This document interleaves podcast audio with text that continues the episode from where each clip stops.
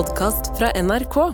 Hvilken eh, julesang foretrekker er det du foretrekker hvis du skal velge en, eh, Rikke? Jeg syns den der nordnorske julesalmen er veldig fin. Ah, Det passer jo perfekt i dag. Ja, det gjør det.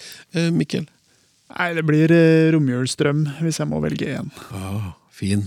fin. Ragnhild? Uh, jeg ble litt blank. nå. Ble du blank? Var det så mange å velge i? Kanskje på låven sitter nissen, da. På låven sitter nissen, ja!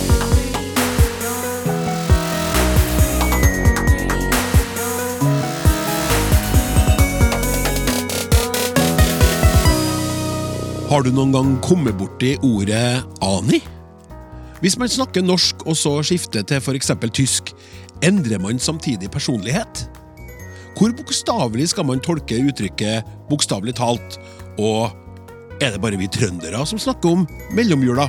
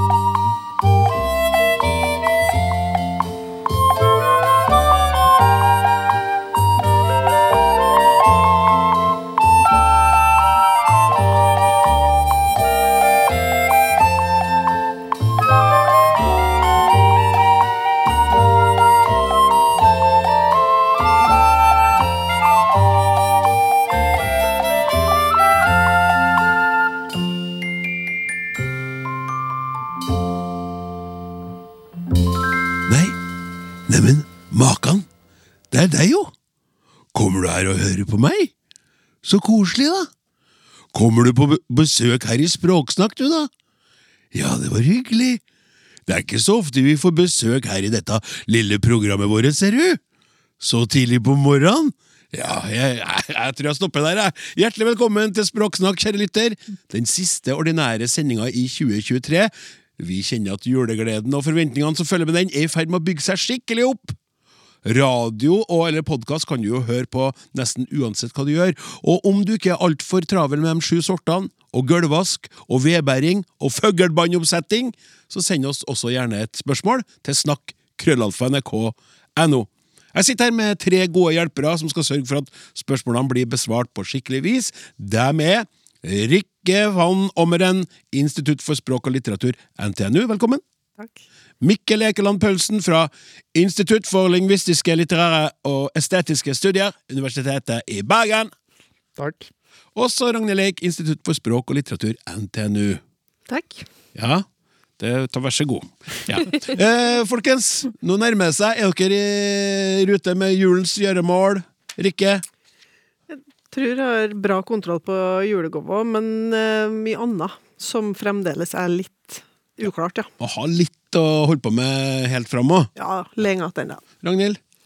Um, jeg har ikke så mye jeg skulle ha gjort i år, faktisk, så sånn sett vil jeg si at jeg er ganske godt i rute. Ja, Ja. så bra. Og Mikkel, da? Ja, nei, akkurat i år tror jeg faktisk det skal gå ganske greit. Eh, Men det skyldes bare at jeg har kjempet en årelang kamp for å få ned pakkemengden på, på julaften, og det har jeg til dels lyktes, lyktes med i år, da. Dine bønner er blitt hørt? Ja, litt. Så fint. Og så Ja. har du nettopp gjort deg ferdig med en oppgave. Ja, ja, altså det gjenstår jo å få den godkjent og få disputas, men jeg har sendt inn en avhandling. Ja, så bra. Gratulerer til deg. Jo, takk og hvordan det står til med mine juleforberedelser, det orker ikke jeg snakke om, for da blir jeg kjempestressa! Så nå begynner vi isteden med spørsmålene.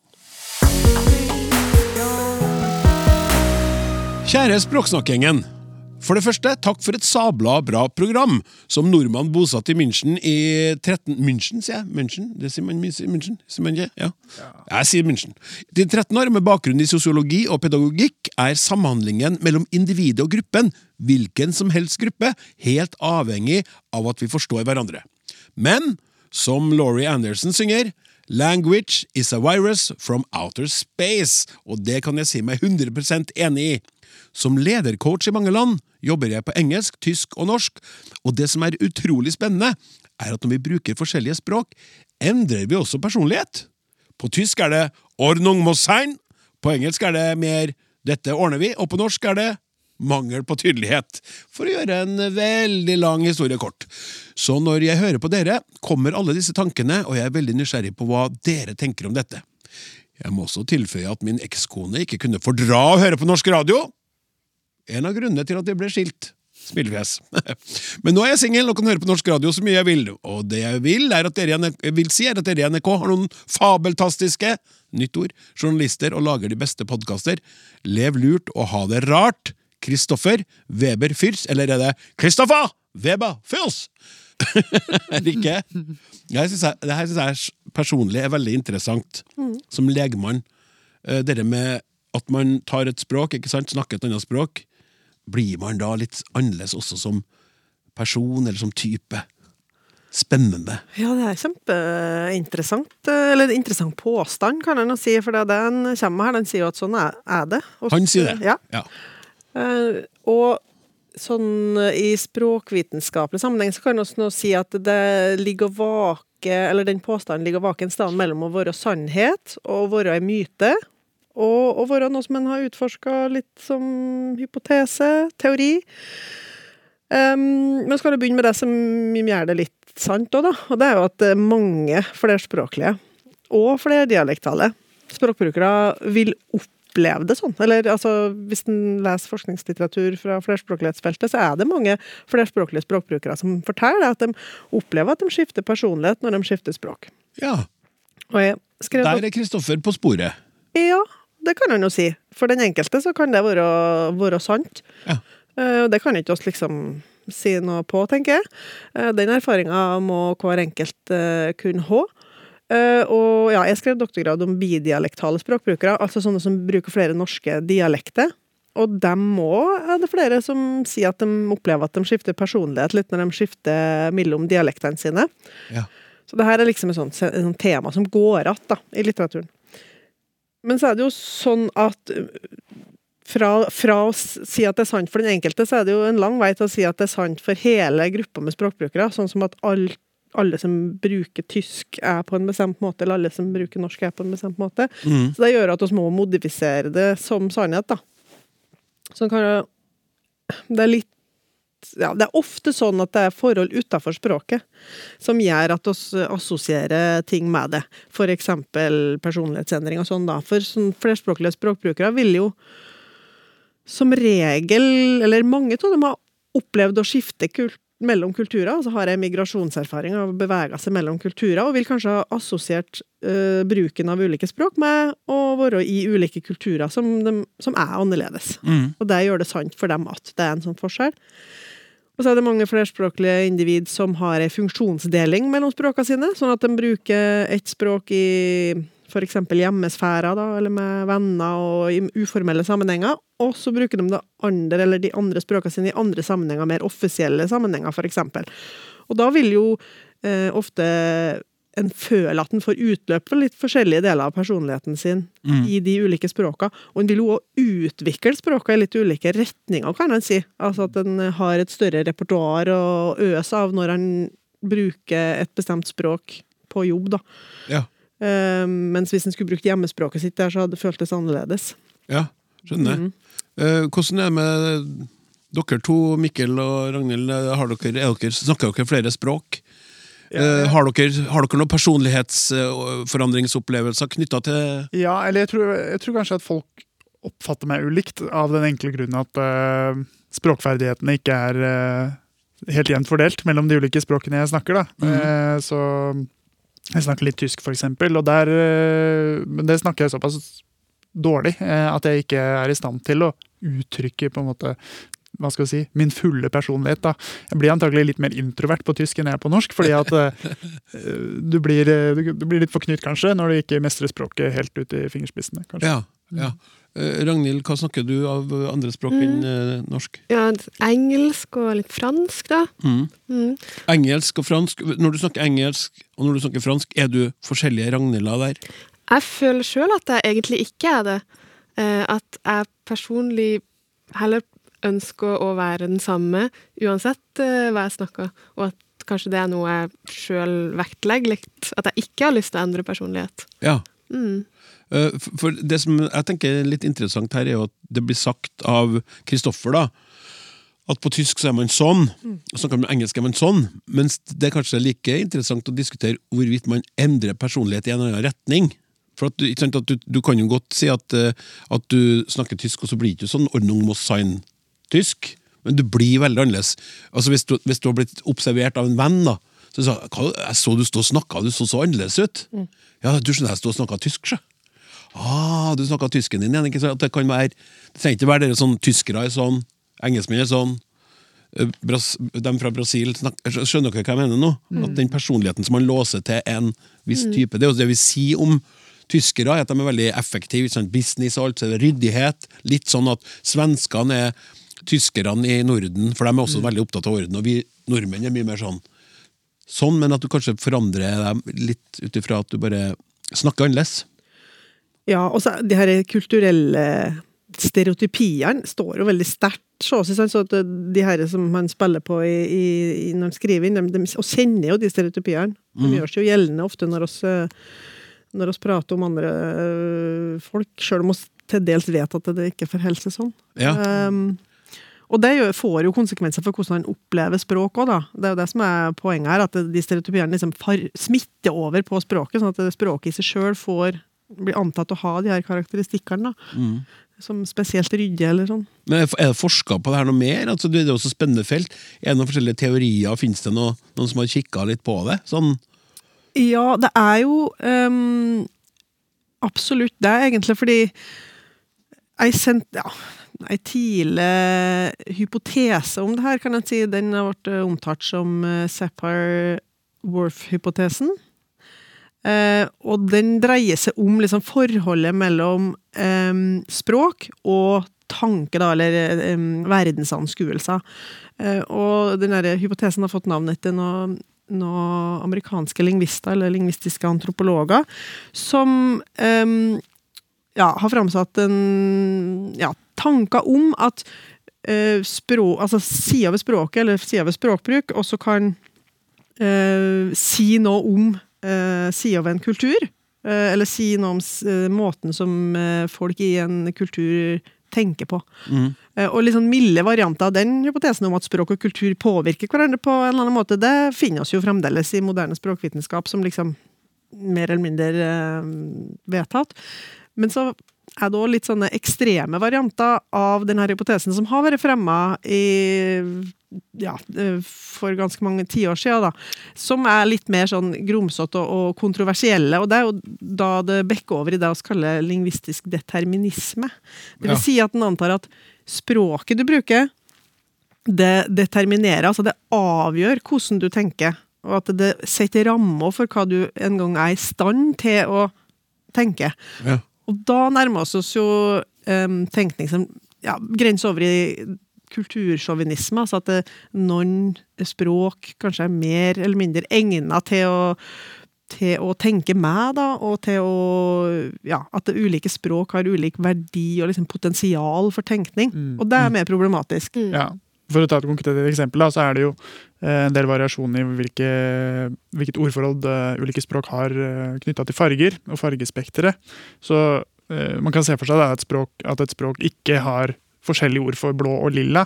Og Hvis du da legger en ekstrem versjon av den eh, tesen til grunn, så vil du da si at eh, ja, men da ser de ikke forskjell på blå og lilla, de som snakker det Ja. språket. Men det er jo eh, sannsynligvis tull, ikke sant. Altså, det er jo, du kan jo ha kunstnere på det språket som sannsynligvis sitter, står og skal male, og så blander de blå og lilla og jobber masse for å få til akkurat den rette nyansen, så sannsynligvis er de fullt i stand til å se det Mm. på de fargene. Da. Men det er hvilke briller man ser andre med, da. Mm. Sånn At vi, altså hvis vi hevder å ha eh, malen, Mm. som er den riktige og beste, så vil jo andres eh, språkverden være, bli målt opp med vår og funnet for Mm. bli veid og funnet for lett. da. Mm. Eh, Litt sånn. Ja. Mm. Og så vet vi jo hva vi snakker om da, Mm. i historien, Mm. med hvem som har sett seg sjøl som øverst og sett ned på andre, Ja. og målt andre ut ifra seg sjøl. Mm. Ja. Ja. Og det er akkurat det, her- det tankegodset som det har dilta etter da, de her tankene litt, og gjort at det har blitt litt kontroversielt. Mm. Men samtidig så er det jo veldig artig hvis vi tar det ned da, til litt sånn det trygge landskapet, der jeg som eh, da, lytten, lytterens representant i dette rommet, eh, så er det sånn eh, eh, Før jeg har alltid Jeg, jeg liker veldig sånn cockney-engelsk, eller litt sånn litt sånn jeg har sett mye filmer og serier, og jeg syns de snakker tøft, da. Eh, og da jeg var ung, så dro jeg jo til England for å besøke den hun som var kjæresten min da, for hun var au pair der. Og Da gikk jeg på en pub for meg sjøl og skulle bestille Jeg gleda meg sånn, skulle for første gang i mitt liv bestille en engelsk øl, altså en, en pint. Og Da kom jeg jo til bardisken, og det var en punker på ene sida av meg og en forretningsmann på andre sida. De sto med en iskald øl hver. Og så kom han bort til meg, han bartenderen, og så så sa jeg 'Pile lager place'! sa jeg til han. Og så sa han 'Sorry'. Excuse me. Pile lager place! sa jeg igjen. For jeg var jo jeg hadde jo øvd meg og var klar som deg. Og han skjønte ikke hva jeg sa. Til slutt måtte jeg si One pint of lager, please. Og da sa han yeah, course, mate. Så kom han med en gang. Og da, da ble jo jeg veldig avkledd. Og da droppa jeg jo å snakke sånn resten av turen. Ja, ja. Og da ble jeg jo forstått. Men jeg ble jo litt skuffa, for jeg syns det hadde vært så tøft hvis han hadde skjønt det. Får jo også fram den forhandlinga med omgivelsene, ikke sant? fordi han bartenderen han lot deg ikke ha den personligheten. ikke sant? Han forsto ikke hva du sa, så du måtte tilpasse deg han. Ja. Og det er jo et bilde også på hvordan omgivelsene eh, liksom eh, tvinger deg til å tilpasse deg på ulike måter. da. Ja, og så er det jo også veldig interessant hvordan andre hører oss. Ikke sant, Hvordan de opplever vårt språk òg. Sånn som dere husker kanskje ja, er Det er kanskje bare jeg som har sett Muppet Show her, men han svenske kokken i Muppet Show, ikke sant, som var sånn som de amerikanerne, og da han sa bare Hurdy, furdy, mordy, holy hurdy, hurdy, holy, hurdy, Da sto og laga mat, ikke sant. Det var liksom alt, det var lyden av svensk Ja. for eksempel. Og jeg var i Frankrike en gang sammen med hun som jeg var kjæreste med da, og han spurte hvor vi kom fra. Så sa vi var fra Norge, så sa han, han mente at kjæresten min snakka sånn Sa han The French woman, you know And eh, Norwegian woman like Og hun sto rett bak meg når han sa det. Han, så det, det, er også litt interessant. Hvis han skulle ha vært norsk, da, han, eller, eller vært, spilt en norsk dame, så hadde han gått rundt og sagt kakk Ja, ja, ja. ja. Så, men eh, nå, nå sporer jeg litt av i, trygge landskaper. Jeg vet ikke om du hadde noe mer du ville tilføre før vi gikk videre? Nei, jeg kan bare oppsummere med at det, det er på mange måter litt sant. Litt en myte, og litt interessant å forske videre på. Ja, takk. Hei, gode språksnakkere. Vi satt rundt lunsjbordet i dag og snakket om bergenske ord og uttrykk, som seg hør og bør, da vi sitter midt i Bergen mens vi snakker. Vi var tre bergensere og en fra Harstad rundt bordet i dag. Det må nevnes i en parentes her at jeg jobber med saken om å få inn igjen slitan som uttrykk her i byen, altså slit med helsa, eh, både blant yngre kollegaer, mine barn og flere. Vi snakka om det i en sending for ikke så lenge siden. Margunn Rauseth tror jeg det var som tok for seg slitan. Vi snakket om ordet ani. Ani, nå begynner jeg å høre jeg sa det litt sånn bergenser nå, nå begynner jeg å ane meg at det ikke er ani, sånn som jeg sier, men ani, som for uinnvidde vel kan forklares mm, som et annet ord for borti. Nordlendingen sa at det sier det også i Harstad, men med dobbel N, altså Anni. Vi var alle enige om at det sier de sikkert ikke på Østlandet, men hva vet vel vi? Hvor kommer dette søte lille ordet fra, og hvem er det som bruker det i landet vårt? Hilsen Frida, eh, frydefull, fin eh, e-post fra Frida. Mikkel, vær så god, du er jo bergenseren i dette lokalet i dag. Ja. Eh, jeg beklage til Bergens befolkning at det er en østlending som skal sitte og svare på det her, men eh, jeg bor nå i hvert fall i Bergen, så jeg har eh, helt klart bevissthet om dette ani, eller hva ikke anian. Det tror jeg de fleste som snakker bergensk, og som bor i Bergen, har bevissthet om.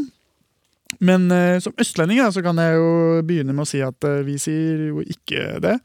Eh, I barndom på Hamar så mener jeg at vi sa atti. Jeg var ikke atti det, jamma. Hvis du skal si det, Der var det kanskje ikke midt i Hamar, men litt utafor. Og det finner jeg igjen flere steder hos Prøysen, og dessuten i nynorskboka. Så dette atti er nok, eh, det er nok ganske stor utspredelse. Mye større utspredelse enn ani, da. Fordi det har, eh, det har vært litt av en leteaksjon, altså å finne igjen eh, ani. Eh, over det ganske land, og se, prøve å finne ut hvor stor utstrekning det har. da. Mm. Eh, fordi i, Vi kan begynne med Norsk Akademis ordbok. Der fins det både i samskrevet og i særskrevet form. Altså både som ett ord og som to ord. An, i. Eh, og begge er med betydning borti. Være borti. Ja. eh, røre ved. Ehm, og den her eh, varianten med, som ett ord, den er belagt med sitater fra Bergens Tidende og bergenske forfattere, annet Hans Wiers Jensen. Eh, og det finner jeg igjen også når jeg prøver å saumfare skriftlige kilder. Så finner jeg at det er utelukkende bergensaviser og bergenske forfattere som bruker ani i ett ord, da, i skrift. Ja. Ja. Eh, mens ani i to ord det blir brukt også litt utenfor eh, Bergen. Eh, I, i Naob da, så er det to sitater. Et fra Hans Kink, som er en litt sånn eh, ja, som er fra Nord-Norge, og fra Jonas Lie. Eh, begge de er jo, ligger litt tilbake i tid, da, så de er, det er jo ikke helt nye belegg. Men eh, det i hvert fall viser at det har blitt brukt utenfor Bergen også. Men da mm. som to ord. Eh, så har jeg da eh, saumfart eh, det jeg kunne finne av eh, dialektbeskrivelser og dialektordbøker. Og de eneste stedene jeg finner ani som ett ord, eller anni som to ord, det er i beskrivelse av dialektord fra nettopp Bergen og Nord-Norge. Ernst Olav Jahr har en beskrivelse av nordnorske dialekter der han sier at anni betyr borti.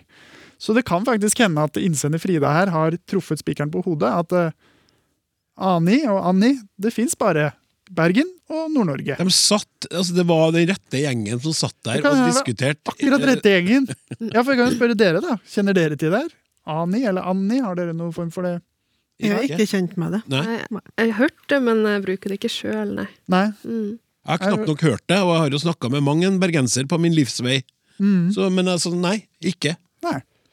Nei Og, og, eller, og eller nordlending, da. Har ikke hørt det der. Kanskje har man hørt det, men jeg, jeg var ikke så opptatt av å legge merke til alle slags eh, småord og sånt før. Nå er jeg blitt kjempeopptatt av det, for jeg jobber jo i et program med språksnakk. Jeg vet ikke om dere har hørt om det? Hvis dere ikke har det, så må dere sjekke det ut på NRK radioappen.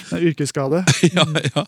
Men det, sånt er jo, jeg, jeg syns det der er interessant da, når du har Nord-Norge og Bergen, og hvis det da er litt sånn tomt felt Ja. på midten her, da. ja, det er eh, et lite mysterium eh, som jeg ikke klarer å oppklare her og nå. Eh, men jeg kan også legge til da, at det, det kommer antagelig av Anni som to, to ord. Eh, altså Dette lille ordet 'and' jo, kan jo bety så mangt, og det er litt vanskelig å beskrive betydningen til, men vi finner det igjen i mange uttrykk i norsk, som 'føre an' og 'lede an' og 'kom an'. Eh, så, så det er nok eh, Det er kanskje noe som har vært i språket altså hatt en større utstrekning, men som da bare har levd videre. Tilfeldigvis i Bergen og i Nord-Norge, da. Ja. Men jeg vil gjerne sende spørsmålet ut til eh, lytterne eh, og spørre om de Altså Hvis du ikke er fra Bergen, og du har dette i, i talespråket ditt, så kan du jo Ikke fra Bergen og eller eh, Nord-Norge. Ja, Nord-Norge er kunne vært greit å få noen flere for å vite om Ja, det er eh, enig. Vi har Harstad, men hvor stor utspredning Mm. er i Nord-Norge? Vi vil egentlig høre fra deg som bruker Altså Bergen har vi det, Bergen er liksom check. Den er, så, Ja, det er helt utvilsomt Ja. at det brukes i Bergen. så da skriver du til snakk krøllalfa.nrk.no hvis du har uh, Ani, eller Anni, som, din, uh, som i ditt vokabular, og du ikke er fra Bergen og eller Harstad. Skal vi si det sånn? Ja. Fint.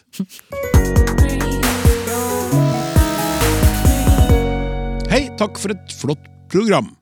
Jeg har hørt alle episodene og har lært mye om vårt språk. Det er jo sånn at Hvis du går inn i appen NRK Radio, så finner du alle Språksnakk-episodene der. Det er bare det som denne lytteren har skjønt. da. Jeg har et spørsmål om bokstaven Å. Det er kjent at man før i tiden skrev AA i stedet for Å, altså to A-er istedenfor en A med en liten ring over. Ifølge Wikipedia ble den moderne Å innført i norsk rettskriving i 1917. I Danmark eh, ble det tatt i bruk så sent som i 1948, men i Sverige allerede på 1500-tallet! I forbindelse med slektshistorie har jeg kommet over et håndskrevet dokument i Riksarkivet fra 1593. Her er Å skrevet med en A med en ring over, akkurat som en moderne Å. Et par eksempler fra teksten. Dette er vanskelig å lese, men den første skal få til. Jon Gulsvig og hans kvinne Åsa, Åsa med Å, med, altså med runding over, og vårt åpne brev, som skrev der på Guldsugg ved Flå, Sogen. Dette ble veldig rart lest opp, jeg vet det, men Flå, der er det en A, en liten A, med en runding over. Vedlagt dokumentet, jeg prøvde å gå inn der, men skjønte jeg ingenting når jeg kikket på dokumentet. Nei, det var, jeg var inne, det var ganske utfordrende. Ja, jeg er ikke språkforsker, så. Kan språkekspertene fortelle litt mer om historien til bokstaven Å? ble den brukt i skrift i eldre tider. Hilsen anonym. Ja, Ragnhild? Ja, vi kan prøve å si litt om det. Uh, som innsenderen er inne på, så kom Å-tegnet offisielt inn i norsk rettskriving i 1917, og avløste da den doble A-skrivemåten. Um, hvis vi begynner med først Å-lyden, um, så er den utvikla fra en opphavlig lang A-lyd, som i skandinavisk endra karakter til en mer runda Å-lyd, um, en gang i sein gammelnorsk. Uh, men selve Å-tegnet for å illustrere denne lyden uh, blir sagt å faktisk ha kommet fra tysk, og så inn i svensk via boktrykkerkunsten. Eh, og så er den ikke lenger i bruk i tysk, men i svensk har den, da vært brukt siden 1500-tallet. Eh, før dette så skrev man AA, også i svensk. Og de to skrivemåtene, altså AA og Å, er faktisk tettere knytta sammen enn det man kanskje skulle tro. Fordi ringen i Å, ringen over A, er grafisk sett en liten A. Altså en liten A som er skrevet over en stor A. Um, så en Ah. annen måte å skrive to A-er på. Altså, du bare flytta den ene over den andre og, og krympa den skikkelig? Ja, sånn har jeg, sånn har jeg forstått Ja, det. Ja. skjønner. Mm. Og på samme måte så er tødlene, som vi noen ganger har over O og A, eh, det er en liten E som har blitt om til to små prikker. Altså for å indikere at det er en litt annen vokalkvalitet. Eh, Men så er det jo veldig interessant at eh, innsenderne har funnet eksempel på Å i håndskrift fra 15, 1593. Og her må vi egentlig bare anta at skriveren har kjent til den andre måten å skrive denne lyden på. Um, Samtidig så har jeg gått inn i dette dokumentet, veldig spennende. Eh, og hvis jeg har klart å tyde det rett, så ser det ut til at han også skriver Åsa med dobbel A. Så skriveren er ikke konsekvent i eh, måten lyden skrives på. Bruker både Å og dobbel A, og skriver også konsekvent på med dobbel A Ja. um, i dokumentet. Kan jo være fordi at denne personen enten eh, roter litt sjøl, eller kanskje vil forsikre seg om at det skal bli forstått. For hvis du bare har brukt den nye, spennende, fancy åen, da, så folk vil drive og henge seg opp i hva, hva er dette for noe? Jeg fatter ikke. Ja, Så man man driver og tenke hjelper litt, jeg vet ikke. Ja. Svar. Ja. Um, men så er det jo også sånn at selv om vi bruker å si at Å kom inn i 1917 offisielt, så var det også i bruk før det. For eksempel så hadde man det felles skandinaviske språkmøtet i Stockholm i 1869, der man diskuterte om man skulle gjøre rettskrivinga i svensk og dansk likere hverandre, eh, for å støtte opp, støtte opp om dette tettere fellesskapet, og kanskje tett, lettere tilgang til hverandres lesestoff og sånn. Ja. På dette møtet så var både eh, Knut Knutsen og Henrik Ibsen var med. Og en av tingene de diskuterte, var om Å-tegnet skulle innføres. Så tok det jo ganske lang tid før det ble offisiell rettskriving, men Henrik Ibsen tok det i bruk med en gang. Han var for. Ja, så han brukte dette lenge før, eh, før det ble offisiell eh, Ja. rettskriving. Og generelt så er det ikke direkte samsvar mellom hva som er offisiell rettskriving og det folk faktisk gjør, som vi vet eh, godt. Eh, så også skrivemåten på med dobbel A var vanlig ganske lenge etter 1917. Eh, For eksempel ser vi at Aftenposten skrev på med dobbel A, i hvert fall til 1927. Eh, Så det tar litt tid før Ja, de har Sånne nye trender. De drev ja, med si. til langt oppi i moderne tid. da. Ja. Og så lurer jeg på om han, han godeste Ibsen Jeg har jo ingen eh, sånn uh, peiling på når stykkene hans ble skrevet, selv om jeg har sett flere av dem på teatret. For jeg mener bestemt at når vi døde Vågner Der er to A-er, så vidt jeg husker fra gammelt. eh, Ja, sånn- var jeg, men jeg, jeg, vet ikke. eh, Kan det være at noen lytter, lyt, lyttere steiler nå? Men jeg mener at jeg husker det. Jeg gikk på litteratur, og så så det var to A, at, mm. at jeg brukte å si 'når vi døde Wagner' av den, eh, av den grunn, da. ja, det kan godt, eh, Ja. det kan godt tenkes.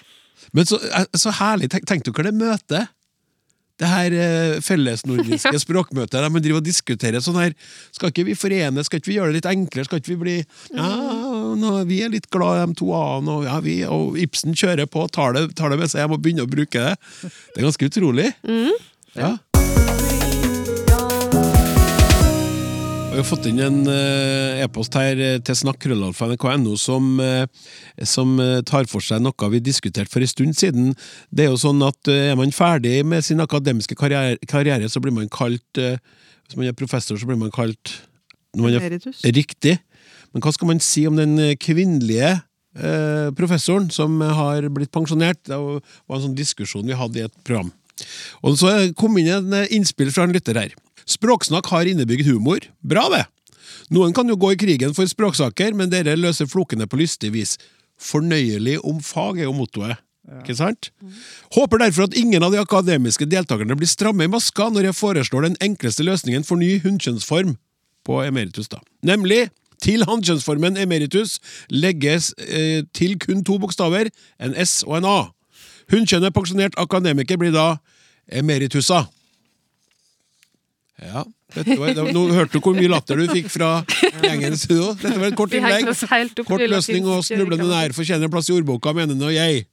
Stå-på-hilsen fra Reidar Ot- Otter. Jeg syns den var litt fin, jeg. Men eh, som eh, flere av eh, dere språkforskere som har vært i studio i ettertid av denne diskusjonen, mener liksom, er det så farlig, og? Og kan man ikke bare si Hva var det vi holdt på å snakke om, da? Eh, pensjonert professor, eller et eller annet sånn Ja, akademisk pensjonist. Eller eller. Akademisk pensjonist, ja. Men tenk deg ikke om en del år. Språksnakk eh, langt frem i tid, så sier man programlederen. Ønsker vi også velkommen til emeritussa Rikke. Nei, ok. Takk skal du ha uansett, Reidar. Og nå skal vi ta for oss et nytt spørsmål, men da starter vi med et stykke nydelig musikk. Guds fred over fjellet åsen. La det gro der vi bygger og bor. Guds fred over dyrene på båsen. Og i frossen og kar i jord. Du ser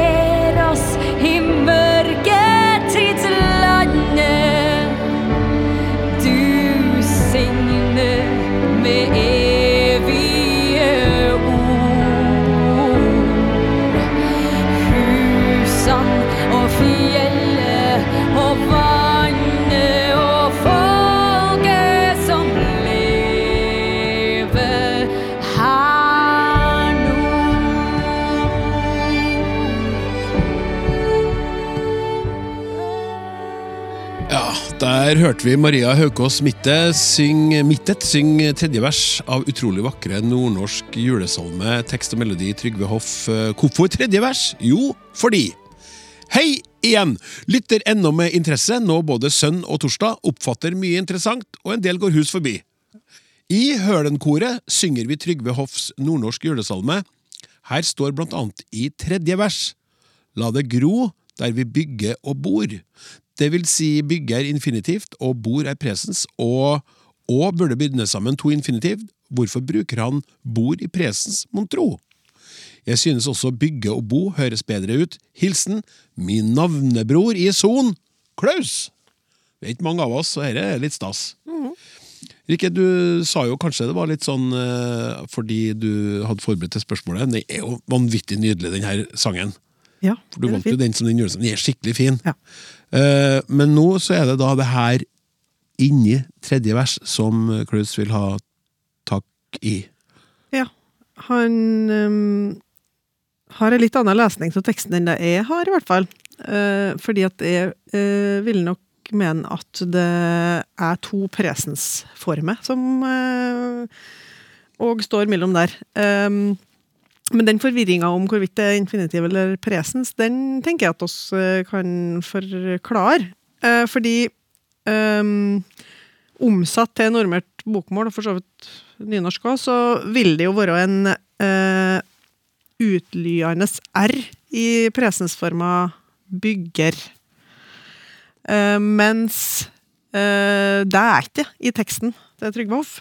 Um, og det er jo nettopp det at den er ikke skrevet eh, på normert skriftspråk. Den eh, er derimot full av eh, små dialektmarkører for nordnorsk, da. Den er en nordnorsk julesalme, og det er en del eh, tradisjonelle målmerker for eh, det nordnorske språkområdet i, eh, i den teksten. da. Mm. Eh, Og det gjelder altså òg her, da. Fordi akkurat det her eh, bortfallet av uh, trykklett utlydende R i en del uh, ord, det er et klassisk målmerke for uh, egentlig store deler av landet i forskjellige ordklasser og grammatiske kategorier. Men hvis vi tar utgangspunkt i eh, oss som sitter her nå, da, så kan vi jo prøve, hvis du, Klaus, eh, ikke fra Son, men i studio, Mm. si at du, du er i ferd med å oppføre et hus, så sier du 'jeg Bygge Ja. et hus. Bygge et hus'. Altså ikke noe utlyd der. Mm. Du, Ragnhild? Ja. jeg snakker jo en blanding av alt mulig. Jeg ville sagt jeg, jeg bygger et hus. Akkurat. Men Mikkel, da? Jeg bygger Ja. et hus. Mhm. Fordi Mikkel er i likhet med Klaus Ison, som jeg vil tro kanskje er østlending, da, eh, fra den delen av Norge som eh, har holdt på den her eh, språkhistoriske utlydende r-en i akkurat presens av en del svake verb. Mens i store deler av landet for øvrig så er den kommet bort. Mm. deriblant da i de delene av Nord-Norge som Trygve Hoff er fra.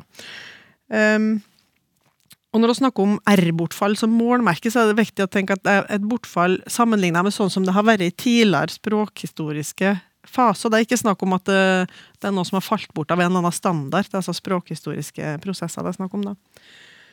Og faktisk er det da bare på deler av Østlandet og i en sånn belte bortover mot øh, Rogaland at den eh, R-en har stått seg i akkurat denne kategorien med ord. da. Um, men det finnes faktisk flerstand i samme teksten. Akkurat det her eh, målmerket, da, om man uh, skal si det sånn. Uh, for eksempel så er det 'så vi kjenner du aldri vil la oss forkomme'. Er det, og 'du signer med evige ord'. Det var vel tema i samme verset. Mm. Og 'folket som lever her nord'. Mm. Så, så det dukker opp flerstand. Mm. Men det å forstå det her som er infinitivsform, det er en sånn klassisk eh, feilanalyse hos en del studenter òg, som leser eh, dialektprøver på eksamen f.eks. og skal si noe om, eh, om den, og så, og så blir det misforstått som infinitivsform. For det blir jo, både i skrift og tale, et formsammenfall i mange ord mellom infinitivsformer og presensformer når du har det her eh, trekket da, i dialekten din. Ja.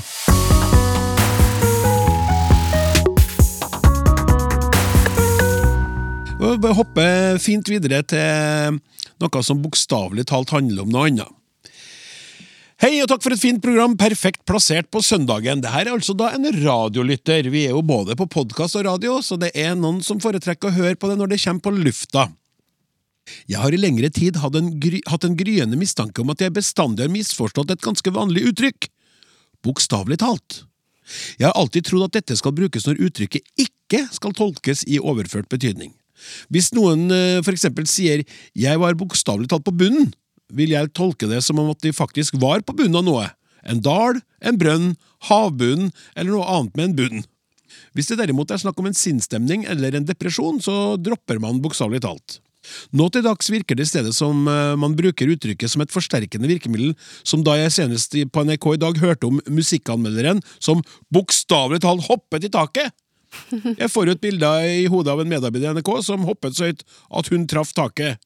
En annen gang jeg reagerte på dette, var da det i Adresseavisen sto at hun ble bokstavelig talt tatt på sengen. Dere kan jo tenke dere hva slags bilder som dukket opp i hodet mitt da. Mm. Spørsmålet mitt er derfor ganske enkelt. Har jeg misforstått betydningen av bokstavelig talt eller ikke? Vennlig hilsen Jens Erik Pettersen.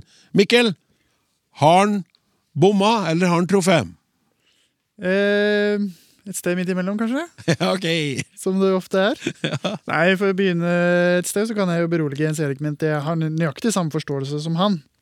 At det bokstavelig talt skal brukes for å markere at noe som vanligvis brukes i overført form, sånn som å hoppe i taket eh, I akkurat denne setningen hvor jeg bruker bokstavelig talt, ikke brukes i overført form. Du traff taket. Du hoppa eh, faktisk i taket. Eh, så dermed, hvis du sier eh, 'jeg gikk eh, bokstavelig talt på limpinnen', så har du da kommet til å tråkke på en pinne med lim. Det må du ha. Ikke sant? ja, ok. ja, ok, ja. Hvis du bokstavelig talt gikk Ja, limpinnen. ja. Men hvis du bare gjorde en tabbe, da, da har du ikke da var, det ingen, da var det ingen limpinner involvert. Ingen faktiske limpinner involvert. Nei. Dette er jo et uttrykk som ofte er kilde til humor. da. Eh, hvis du f.eks. Eh, bokstavelig talt tråkka i salaten, eller bokstavelig talt sitter igjen med skjegg i postkassa, så er det jo morsomt å, å bruke akkurat de uttrykkene, fordi det er jo ganske sjelden at man sitter med skjegg i postkassa vanligvis. Ja. Men spørsmålet er jo hvorfor, hvorfor har vi denne andre bruken? Hvorfor brukes det når det ikke tar vekk det metaforiske innholdet? Og Jeg kan ikke gi noe fasitsvar på det, men jeg skal i hvert fall prøve å komme med en hypotese. Eh, For det første så er det jo kjent at eh, den engelske, eller i hvert fall den USA-engelske ekvivalenten literally, i økende grad benyttes som en sånn rent forsterkende uttrykk. ikke sant? Kom det igjen. Eh, og den har funnet veien inn i ordbøker også. I Merriam-Webster Dictionary så er det markert uformell bruk. Og så er det et eksempel The coronavirus has literally turned the world upside down. Og det har det jo ikke. Literally gjort. For verden står jo ikke på hodet, men den har blitt veldig annerledes. ikke sant? Mm. Eh, Så denne bruken kan jo ha smittet over på norsk. Vi blir jo eksponert en del for eh, USA-engelsk her til lands. Eh, Og for det andre så benyttes jo bokstavelig talt sånn når du, i den vanligste eller opprinnelige betydninga for å markere at det bildet man bruker, ikke er en overdrivelse. Det er ingen overdrivelse å si at jeg hoppa i taket, ikke sant? for jeg gjorde faktisk det. Jeg traff taket. Så glad var jeg. Eh, så hvis du bokstavelig talt ble kastet ut ikke sant? Du, du, Det var en, en dørvakt der, og han kasta meg ut. Så sur var han på meg. Eh, og, og hvis du da bokstavelig talt ble kastet ut, så er det ikke en overdrivelse å si at du ble kasta ut. Hvis du henger med. Ja. Ja. Eh, og jeg tror at det er akkurat dette fraværet av overdrivelse som, som man ønsker å uttrykke da, når man bruker bokstavelig talt. Eh, hvis du sier at du bokstavelig talt hoppa i taket når du ikke hoppa i taket, altså når du ikke traff taket, Mm. så er det for å uttrykke at ja, men jeg ble helt vanvittig glad. Altså, Jeg boblet over av glede. Ja, det var så mye at eh, det er ingen overdrivelse å si at jeg hoppa i taket. Det er for å uttrykke noe som er veldig stort. ikke sant? Det var, det, jeg var så glad at jeg hoppa i taket. Det som er litt morsomt, da, eller ironisk, er jo at dersom du ikke bokstavelig talt hoppa i taket, så er det jo en overdrivelse å si at du hoppa i taket, selv om du var boblet over av glede. Det er akkurat det. Det er akkurat det som er så artig når du snakker om det. Vet du, det er sånn, Jeg hoppa i taket av glede! Jeg har sagt, Alle skjønner jo at du ikke hoppa i taket. Gjorde du faktisk det? ja, så, det, så den overdrivelsen kommer man ikke utenom, eh, tror jeg. Eh, Jeg har ikke funnet veldig mange belegg på den i skriftlige kilder, eller noe sånt, så det er i hvert fall ikke noe som er veldig utbredt ennå. I hvert fall ikke i skrift. Det er i hvert fall noe som flere har bevissthet om, og jeg har også hørt dette, at folk klager over at det, det uttrykket blir brukt på en ny måte. Til, til dere to, eh, Ragnhild og Rikke, eh, hvordan, hvordan bruker dere bokstavelig talt, om det da hele tatt er deres dagligtale? Åh, det var et vanskelig spørsmål. Det tror ikke jeg har noen sånn bevissthet om. Men jeg kommer til å være veldig bevisst på det nå. da. Ja, Ja. det er nok Ja, det. samme. Samme, Jeg ja. er ikke helt sikker, faktisk. Jeg håper jo nå som du har forklart hvordan det skal brukes, at jeg gjør det Ja, rett. nå har jeg men, eh, Ja. Du hører på Språksnakk. Jeg sitter her med Ragnhild Eik, Mikkel Ekeland Pølsen Paulsen og Rikke van Ommeren. Språkforskere som eh, svarer på spørsmål i dag. Og nå er det et, eh, en e-post som har kommet inn med emne, emnef- I emnefeltet står det Ledal, Led, Ledal, Ledal? Hei! Nei, emnefeltet i denne e-posten er ikke en skrivefeil. Ledal, altså L-E-D-A-A-L, er navnet på kongens offisielle residens her i Stavanger. Herregården Ledal. Jeg lurer på hvordan jeg skal si det? Spørsmålet mitt handler da altså om uttale av dette navnet. Jeg ser vekk fra trykk, tonefall og alle andre kjedelige ting. Jeg er mest bekymret over fenomenet dobbel A. Dobbel A? Har ikke vi nettopp vært innom dobbel A, da? Som kjent uttales dobbel A som lyden Å, ikke A. Dette er vel en gammel måte å skrive på? Sikkert noe dere kan greie ut om? ja.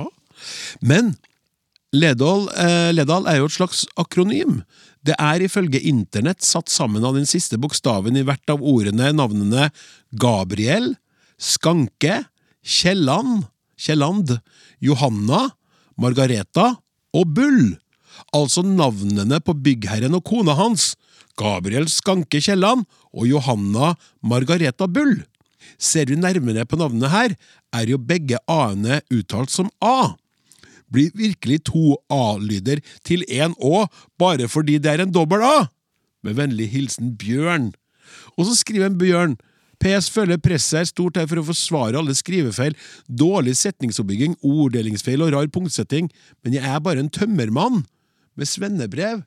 Og så var det jo nesten ingen feil, Bjørn. Ikke noe å bekymre deg for. Og en tømmermann han må da kunne sende inn like mye spørsmål om språk han som alle andre.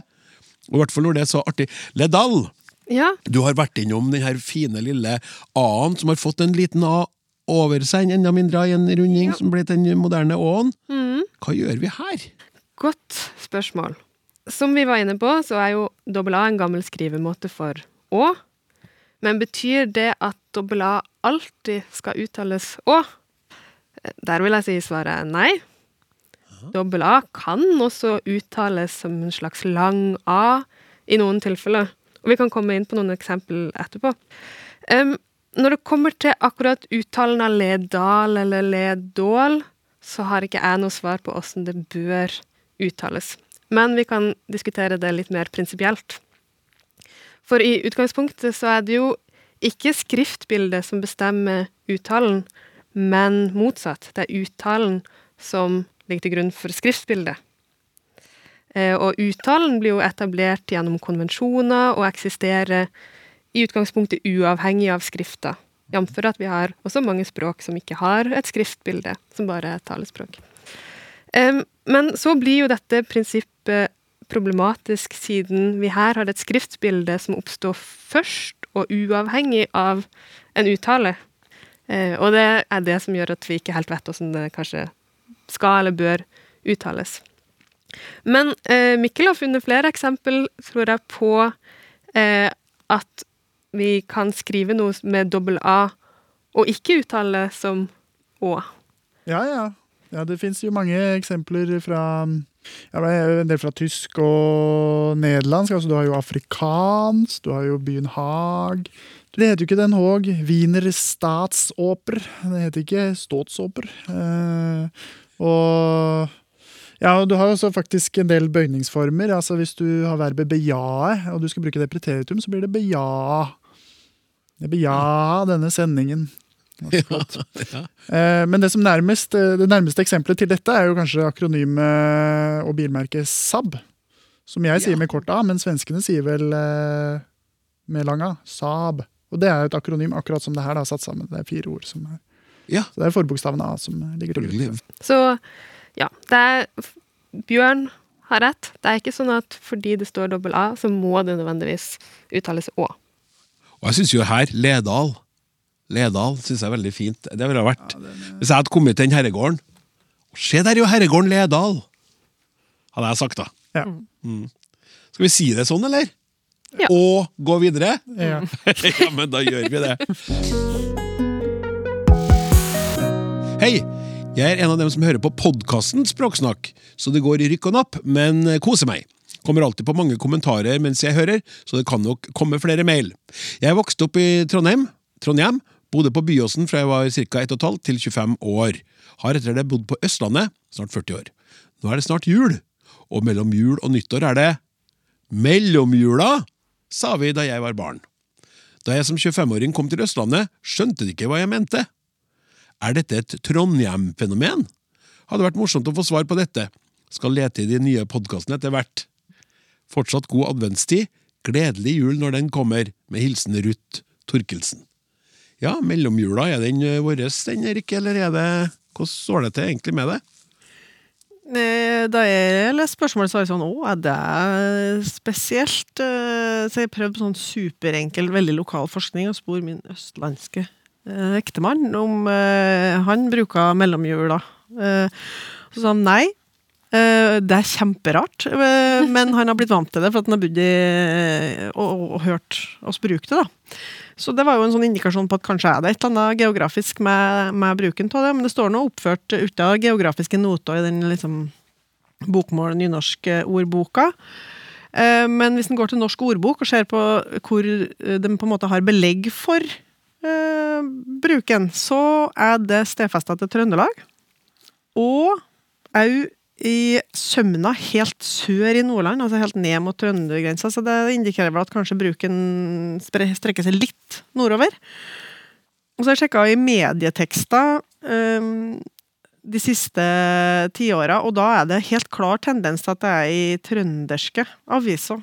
eh, Det er mest frekvent. Det er noen slengere her og der, men det kan jo være kan være trønderske skrivere, det en vet jo ikke, men det, det ser ut til at kanskje hun har rett i at det er eh, litt avgrensa i utgangspunktet. Hvor Det- det er brukt. Det er jo artig, da. Mm. At uh, Ruth har uh, ferska noe som uh, ser ut til å stemme litt. Altså det her begrepet er uh, eller ordet er drøfta i sånn eh, språkforum. Og så var jeg inne for å se hvem er det som mener hva her, og hvor er den fra. uh, og der eh, kom jeg over at noen hadde uh, vært ved et samvirkelag i eh, en sted i Trøndelag, og skal jeg si det sånn, da, så skal jeg ikke henge, opp, henge ut dem. Men de har skrevet og reklamert for åpningstida si i eh, jula, og de har skrevet at eh, Eller skrevet mellomromjula. Ja. Eh, og det tenkte jeg var en sånn artig hybrid. Veldig bra! Den kanskje indikerer at det her er ulike former som er i omløp i Trøndelag òg, Ja, da. Men for det er jo romjulen, ikke sant? Romjula som folk ellers da sier om mellomjula vår. ja, det er nok kanskje det mest utbredte. Ja. Men jeg tenkte lurt Mellomromjula, det var helt legendarisk bra! Det er den opprinnelige formen som er seg i mellomjula. og- Delt seg til to andre. Før i tiden sa vi alltid mellomromjulen, men det har spredt seg. Ja. Så jeg er litt tilbøyelig til å rett, at det kanskje er i hvert fall trøndersk og en region rundt der da, som har bruka det mest. Kan virke sånn. Hørte du hva Rikke sa nå, Ruth? Du har rett. Det sier vi. Ja, Tilbøyelig til, ja. ja tilbøyelig. Med visse forbehold. Med visse forbehold. Med formodning om at Ja. Og så videre. Det skal vi bare skynde oss å hoppe på et sånt julete spørsmål til, men det samme Ja. vi er så godt i gang. Da går vi fra Rikke til Ragnhild. Jeg har forstått det slik at nisse er et dansk ord opprinnelig, men er det en sammenslåing av tuss, altså tusse, og Sankt Nikolas? Tusse, Sankt Nikolas. Ragnhild, kan du så fint og varmt altså vær for å få seg? Dags. Hva laver du? Tja, altså Hva skal vi si? Det er noe her som stemmer litt, og så er det noe som ikke stemmer helt. Det er riktig at eh, det er et opprinnelig dansk ord, eller som har kommet fra dansk, eller kanskje via svensk. Men mest sannsynlig så er det ei kjæleform av mannsnavnet Nils.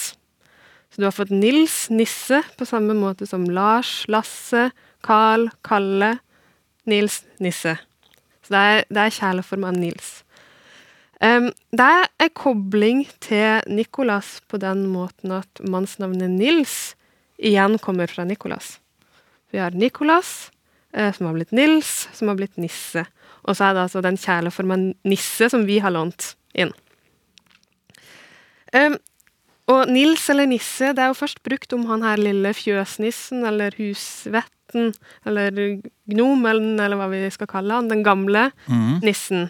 Eh, og brukt om han, så er det kjent i alle fall fra 1500-tallet. Eh, og han er jo ikke spesifikt knytt bare til jula, han er mer sånn helårlig fenomen.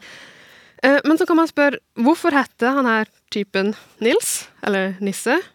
Eh, og hva er egentlig koblinga mellom han og julenissen? Eh, I Nissens historie fra 1918 så leser vi at det var ganske vanlig å gi sånne her små typer helt, helt vanlige mannsnavn. Så fra England så kjenner vi Robin, Robin Goodfellow, av Robert. I Tyskland så har man Heinze av Henrik, altså Heinzelmännchen. I Frankrike så har han hett Jean eller Thomas. Så det har vært helt vanlig å gi vanlige mannsnavn til, til disse skapningene. Eh, Klaus Johan Myhrvold, som er professor i Stavanger, har drøfta Innan Klaus. Ja, Herlig. Det er tre stykker nå her. Det, En det, det, Nikolaus. tar jo helt av. Og vi har jo Nikolaus og Klaus Ja. og Santa Claus, og det her blir bare bedre og bedre. Vær så god. Alt, eh, alt eh, henger sammen. Ja. Eh, han har drøfta etymologien til nisse, og det er mye av det han har skrevet jeg baserer meg på her. Og han skriver også at Nils, eller Niklas, var blant de aller vanligste mannsnavnene i dansk og svensk i det aktuelle tidsrommet. Så det passer at man har bare gitt et vanlig eh, mannsnavn. Og så har man kanskje brukt dette, eh, denne kjæleforma eh, for å komme på god fot med han karen. På samme måte som man har lagt til Goodfellow på engelsk. Koblinga til julenissen kommer mye seinere. Da er vi mer på tidlig 1900-tall. Eh, påvirkning fra USA, fra Nederland, Tyskland osv. Og, så og han her, julenissen, han har sammenheng med Sankt Nikolas, som da blant annet var helgen for små barn. Men man regner altså med at det er litt tilfeldig at, at de begge har hadde samme navn. Mm. Likevel, at historiene om de har liksom blanda seg litt og smelta seg litt sammen, gjør at vi nå da bruker nisse om både julenissen eh, og fjøsnissen.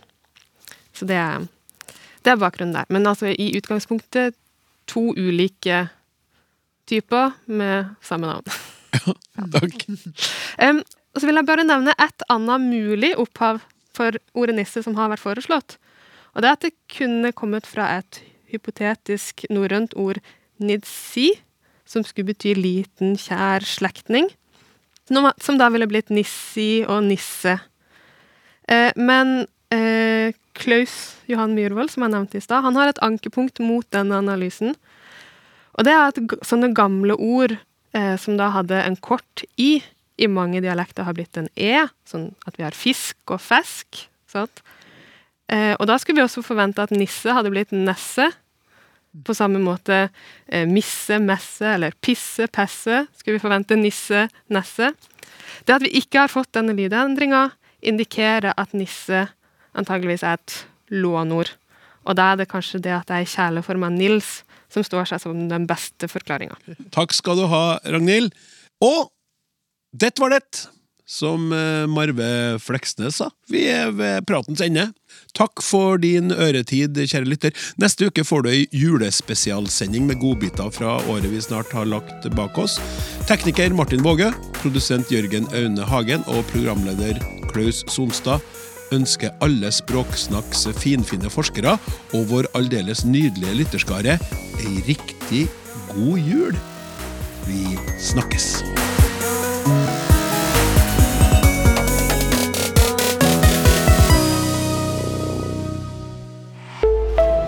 En podkast fra NRK. Denne historien handler om pianisten og komponisten Maria Kandegård. Om musikken hennes, om livet hennes om hjernen hennes. Plutselig så skjedde det et eller annet. Det var akkurat som at ingenting eksisterte. Hun var det enestående musikalske talentet som bare forsvant da hun var tidlig i 20-åra. Jeg tenkte at hele verden, at det var egentlig bare en drøm. Så jeg var en person i den drømmen. Men det var ikke min drøm. Hør pianisten i appen NRK Radio.